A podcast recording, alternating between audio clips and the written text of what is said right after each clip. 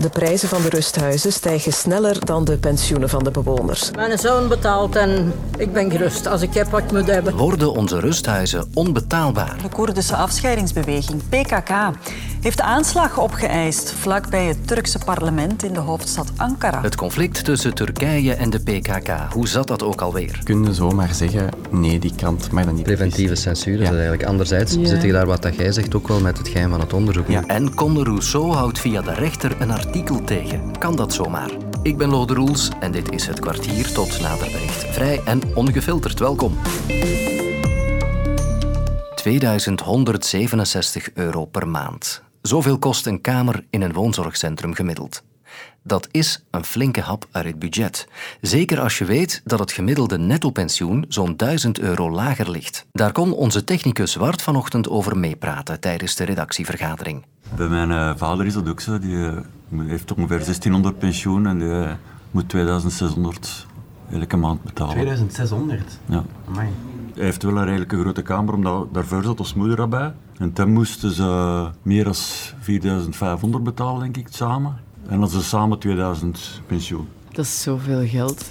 En die kloof tussen de rusthuisprijzen en de pensioenen wordt steeds groter, zegt oudere organisatie OKRA. De prijzen voor een kamer zijn sinds begin dit jaar nog maar eens gestegen met 3 tot 4 procent. En die cijfers zijn nog maar het topje van de ijsberg. Dat zegt Anne Peuteman, journaliste bij KNAK die zich al jaren verdiept in de woonzorgcentra. Achter de cijfers gaat nog een en ander schuil natuurlijk, want men kijkt altijd naar het gemiddelde pensioen en dan zegt men de gemiddelde maandprijs van een woonzorgcentrum ligt daar nog een eind boven. Maar in realiteit heb je niet een dwarsdoorsnede van de oudere bevolking in woonzorgcentra. Daar wonen in verhouding veel meer mensen met lagere inkomens en er wonen gemiddeld ook veel meer vrouwen. Ik denk dat 80% van de rusthuisbewoners vrouwen zijn. En die hebben ja, gemiddeld een pensioen in ons land van 1000 euro, dus 400 euro minder dan mannen. Dus eigenlijk is de impact van die prijs nog groter dan we vaak denken. Wat ik ook wel belangrijk vind om, om aan te geven, er wordt de hele tijd naar die dagprijs gekeken die woonzorgcentra aanrekenen. En de overheid legt woonzorgcentra ook op dat daar een aantal dingen in moeten zitten, hè, zoals de zorg, de kamer. Een aantal dingen moeten in die dagprijs. Maar daarbovenop kunnen woonzorgcentra ook nog supplementen aanrekenen. Sommigen doen dat bijna niet. Dat wil zeggen dat zij een hele race andere diensten in die dagprijs stoppen. Dat gaat van telefonie en internet tot de was, tot de pedicurebehandeling, tot uh, een tv op de kamer die door uh, het woonzorgcentrum zelf wordt geleverd. Anderen doen dat heel erg veel, dus gaan voor een heel aantal extra diensten supplementen gaan aanrekenen. En we hebben ook gezien dat zeker uh, in sommige woonzorgcentra dat daar de voorbije jaren een heel grote stijging van die supplementen is gekomen. Dus ook dat is iets dat we toch eens naar moeten kijken. Als je dat allemaal bij elkaar telt, dan is het duidelijk. Woonzorgcentra zijn voor veel mensen bijna onbetaalbaar geworden. En toch staat daar niet altijd de zorg tegenover die de bewoners verdienen. Dat vertelde mijn collega Sandra me vandaag. We betalen per maand 2600 euro. Je hebt bepaalde verwachtingen. We hebben nooit... Uh, onze vader was gevallen in zijn kamertje. Dat was wel s'nachts. Heeft toen de alarmknop ingeduwd, want hij kon absoluut niet meer weg of opstaan. Had ook een hoofdwonde en heeft het toen zelf getimed. Hij heeft drie kwartier moeten wachten voor de verpleegster toekwam. Die zijn gewoon onderbemand. Ze doen wat ze kunnen, maar ze zijn met veel te weinig. Je draagt eigenlijk de zorg over van, van je ouder. En, en als kind is het gewoon ongemakkelijk. Je zit niet op je gemak. Je maakt je altijd zorgen. Zoveel geld neertellen en toch nog zoveel zorgen moeten hebben. Hoe kan dat? Dat is eigenlijk een gevolg van bijna 50 jaar eh, verwaarlozing van de sector. Je hoort Dominique Verté, professor sociale gerontologie aan de VUB. Een van de belangrijke dingen dat is dus dat sedert het feit dat we in 1963 de sociale zekerheid ontwikkeld hebben, dat er heel wat ziekenhuizen en ziekenhuisbedden toegenomen zijn hier in, in België, maar ook in Vlaanderen. En dat het belangrijkste deel van de middelen eigenlijk gaat naar, laten we zeggen, ziekenhuizen, kosten van artsen, van verpleegkundigen, van kinesisten. En dat ten nadele van wat de chronische zorg is. Een van de belangrijke dingen in die chronische zorg, dat zijn gewoon zorgcentra. En die zijn eigenlijk door het feit dat men zich altijd heeft gefocust op die echte geneeskunde, de acute geneeskunde, heeft men eigenlijk uh, die uh, woonzorgcentra, de financiering van de woonzorgcentra, stiefmoederlijk behandeld. En met alle gevolgen van dien vandaag. En allee, ik ben een wetenschapper, het is, mijn job is dingen zeggen zoals dat ze zijn en daar geen doekjes om winden. Maar ik geloof wel stevast dat men ja, ook in de politiek bewust is geworden van het feit dat we onze zorg en welzijn op een andere manier gaan moeten organiseren. En je kunt niet verwachten, ook niet van de politiek, dus dat ze dat uh, in een vingerknip zullen kunnen realiseren. Ik denk dat daar een jaar of tien zal moeten overgaan. Maar ik geloof heel sterk dat we daar uh, de capaciteit voor hebben om dat allemaal gerealiseerd te krijgen. Turkey says it has destroyed 20 targets in northern Iraq belonging to the PKK. Het conflict tussen Turkije en de Koerdische afscheidingsbeweging PKK is dit weekend weer opgeleid. De Koerden zijn de grootste minderheidsgroep in Turkije. Collega Inge Franke vat samen wat er is gebeurd. Zondag is er een aanslag, een zelfmoordaanslag gepleegd vlakbij het parlement in Ankara. Twee daders zijn daarbij omgekomen en twee Turkse politieagenten raakten licht gewond. En de gewapende Koerdische afscheidingsbeweging PKK heeft in de namiddag die aanslag opgeëist. En president Erdogan...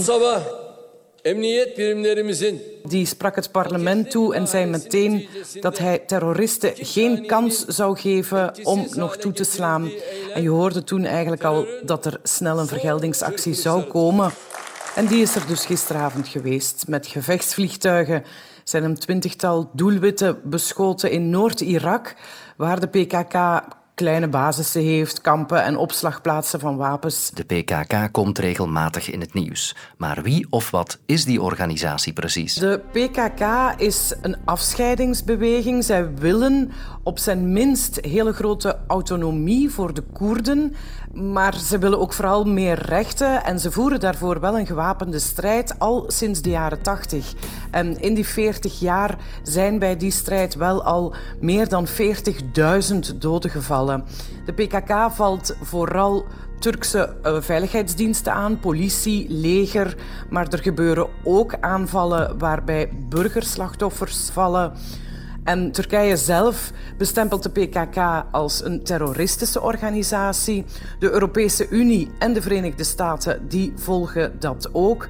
Dus het is een groep die voor heel veel controverse zorgt in Turkije. De Nederlandse journaliste Frederike Geerdink bracht een jaar door in de bergen bij de PKK. Ik was daar um, van uh, lente 2016 tot de zomer 2017. Zij kent als de beste wat de Koerdische strijders drijft. Toen heb ik op verschillende locaties van de PKK meegekeken naar waar zij, eh, wat ze doen. Waar ze eigenlijk voor strijden heel veel met gewone strijders zeg maar, gepraat. En zo ook natuurlijk gevraagd van waarom ben je naar de bergen gegaan? Zo wordt dat genoemd, naar de bergen gaan. Dat is je aansluiten bij de PKK. En dan kom je heel vaak toch op dat de Koerden in Turkije nog steeds niet kunnen leven als Koerden. Ze kunnen hun taal niet spreken of ze kunnen hem op straat wel spreken, maar ze leren hem niet op school. Ze kennen hun eigen moedertaal niet, die is gewoon nog steeds verboden. Als je je verkiesbaar stelt, dan kom je echt bijna 100% zeker in problemen met de autoriteiten. Je kunt niet in vrijheid leven als Koerd in Turkije. En dan sluiten ze zich aan bij de PKK en dan is eigenlijk heel vaak het idee, ze willen wraak nemen. In letterlijk elke Koerdische familie in Turkije is er op de een of andere manier iemand slachtoffer geweest van die, van die strijd. Eerst dacht de politie dat het om een gasontploffing ging. Nu wordt gezegd dat de twee mannen die omkwamen iets aan het maken waren, vermoedelijk een bom. Mogelijk zit de Koerdische afscheidingsbeweging PKK achter de aanslag. The PKK says that it killed two Turkish policemen in revenge for a suicide bomb attack that killed 32 young activists. En dat is vaak wat ze willen doen. We gaan aanslag plegen op, uh, op de politie en op het leger. Maar eigenlijk is dat niet waar de PKK om draait de PKK strijdt niet voor een, voor een onafhankelijk Koerdische staat. Maar zij kijken ook heel anders aan tegen hoe zo'n oplossing van het Koerdische probleem er eigenlijk uitziet. En dat is uiteindelijk dan het doel. Om, om binnen Turkije werkelijke democratie te krijgen. Dus ze willen heel erg decentraliseren en autonomie en democratie invoeren. Dat is dan eigenlijk het grotere verhaal. Na de aanslag van afgelopen zondag heeft de Turkse president meteen gereageerd met luchtaanvallen. Maar wat betekent dat nu voor de relatie tussen Turkije en de PKK? De relatie tussen Turkije en, en de PKK blijft heel erg moeilijk. Is de laatste maanden een beetje naar de achtergrond verschoven, maar blijft voor Turkije wel heel erg belangrijk. Turkije vreest vooral dat de Koerden zich te zeer gaan verenigen, eventueel samen met de Koerden van Irak, van Iran, van Syrië. En dat ze dan heel erg sterk zouden worden. Dus voor hen is die strijd echt nog altijd heel erg belangrijk. Onze redactie had afgelopen vrijdag het weekend al ingezet toen dit nieuws binnenkwam. De rechter in Dendermonde heeft de publicatie van een artikel en de uitzending van een reportage over vooruitvoorzitter Conor Rousseau verboden. HLN.be en VTM Nieuws wilden vanavond uitpakken met passages uit het proces verbaal dat tegen Rousseau is opgesteld begin deze maand tijdens een avondje uit in Sint-Niklaas. Tijdens een discussie tussen Rousseau en enkele politieagenten zou hij toen mogelijk beledigende of racistische uitspraken hebben gedaan.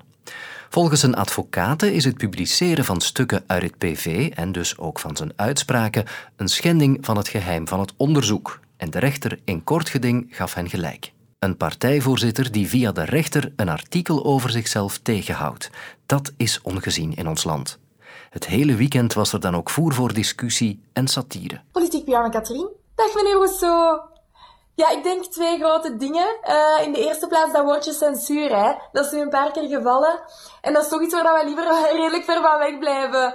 Uh, net zoals van racisme trouwens, ja. Ja, en dan in de tweede plaats denk ik dat de mensen misschien uh, het een beetje beu zijn dat politici naar de rechtbank stappen omdat die rechtbanken eigenlijk wel wat anders te doen hebben misschien, ja. Scenariste en actrice Elisabeth Lucie Baten haalde Rousseau door de mangel.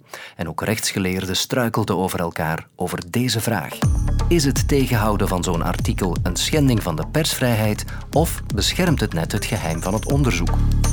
Professor grondwettelijk recht aan de KU Leuven, Koen Lemmens, was vanochtend op Radio 1 duidelijk. In onze grondwet, artikel 25, eh, zegt heel duidelijk: de censuur kan niet worden ingevoerd. Een rechter kan niet preventief ingrijpen. En dat betekent trouwens niet dat journalisten niet ter verantwoording geroepen kunnen worden. De Belgische grondwetgevers hebben iedereen de kans willen geven om de wet te overtreden. De idee is, je moet dan maar achteraf tot de orde geroepen worden, maar iemand vooraf beletten. Ja. Uh, de wet te overtreden, dat mag niet. Ik kreeg ook Annemarie de Klerk aan de lijn. Advocaat in strafzaken. En zij breekt een lans voor het belang van het geheim van het onderzoek. De bedoeling van een strafonderzoek finaal is om de waarheid boven te brengen. En ik denk dat iedereen daar belang bij heeft, zowel diegene die erin zit als verdachte, als maatschappelijk gezien. En daarvoor hebben we beslist dat we die waarheidszoektocht, de waarheidsvinding, toevertrouwen aan specialisten, parket, rechters, politiemensen. En die moeten dat kunnen doen in de allerbeste omstandigheden. Met de bedoeling dat er zo weinig mogelijk bezoedeling komt van het onderzoek door uh, pottenkijkers en door mensen die beïnvloed worden. Dus er dient een bepaald doel. Uh, het geheim van het onderzoek dat is dat de waarheid op een goede manier moet bovenkomen. Maar hoorden we eerder van Koen Lemmens al, het geheim van het onderzoek is dus eigenlijk ondergeschikt aan het grondwettelijk verbod op censuur. De grondwet zegt het effectief, censuur is verboden, precies omdat het zo belangrijk is dat zaken die fout lopen, dat die aan het licht gebracht worden. Dus vandaar dat de grondwetgever dat heeft voorzien dat er vooraf geen verbod kan worden opgelegd aan journalisten om informatie vrij te geven. Maar er gelden heel uitzonderlijk wel um, ja, uitzonderingen. En ik denk eigenlijk ook aan, aan het concrete voorbeeld van Conor Rousseau zelf. Hij, heeft, hij is betrokken geweest in andere soorten strafonderzoeken, waarbij dat er ook vooraf heel veel gepubliceerd is geweest en waarbij dat er achteraf gezien uh, gebleken is geweest dat het niet klopte na een strafonderzoek. Dus ik vrees dat er daar wel schade is blijven kleven aan de persoon. Dus in zijn persoonlijke situatie blijkt heel duidelijk dat achteraf gezien dat het herstellen van schade heel moeilijk is, want er blijft altijd iets kleven van de informatie die vrijgegeven is geweest. En een argument van de Vlaamse Vereniging van Journalisten is bovendien ook dat het geheim van het onderzoek niet absoluut is. Maatschappelijk relevante informatie mag gedeeld worden. Het publiek heeft het recht om geïnformeerd te worden. Absoluut, absoluut. Ik, ik volg u daarin. Maar dan denk ik dat geduld maatschappelijk gezien een heel belangrijke deugd is. En dat we dat moeten kunnen opbrengen. Um, als die kopie in handen is van de redactie, denk ik dat daar wel de maatschappelijke verantwoordelijkheid van die redacties de bovenhand moet nemen. En dat zij er ook aan moeten denken van uiteindelijk willen zij ook de waarheid kennen. Dus laat het over aan de experten en diegenen die, het, eh, die daarin opgeleid zijn om naar die waarheid te zoeken. En heb even geduld. Dus in die zin, ik denk dat we op dat vlak wel vertrouwen moeten hebben in de instanties. De zoektocht naar de antwoorden op de drie vragen die je in het begin van deze podcast hoorde, die zit er alvast op. Geduld is een schone deugd, hoorde ik net. Dus dan vind je wachten op een nieuwe aflevering van het kwartier vast niet zo erg. Wat is echt en wat niet? En hoe kom je dit te weten? Duik mee in het Uur van de Waarheid, een podcast over de wereld van nepnieuws en online bedrog, samen met factcheckers en experten. Nu in de app van VRT Nieuws.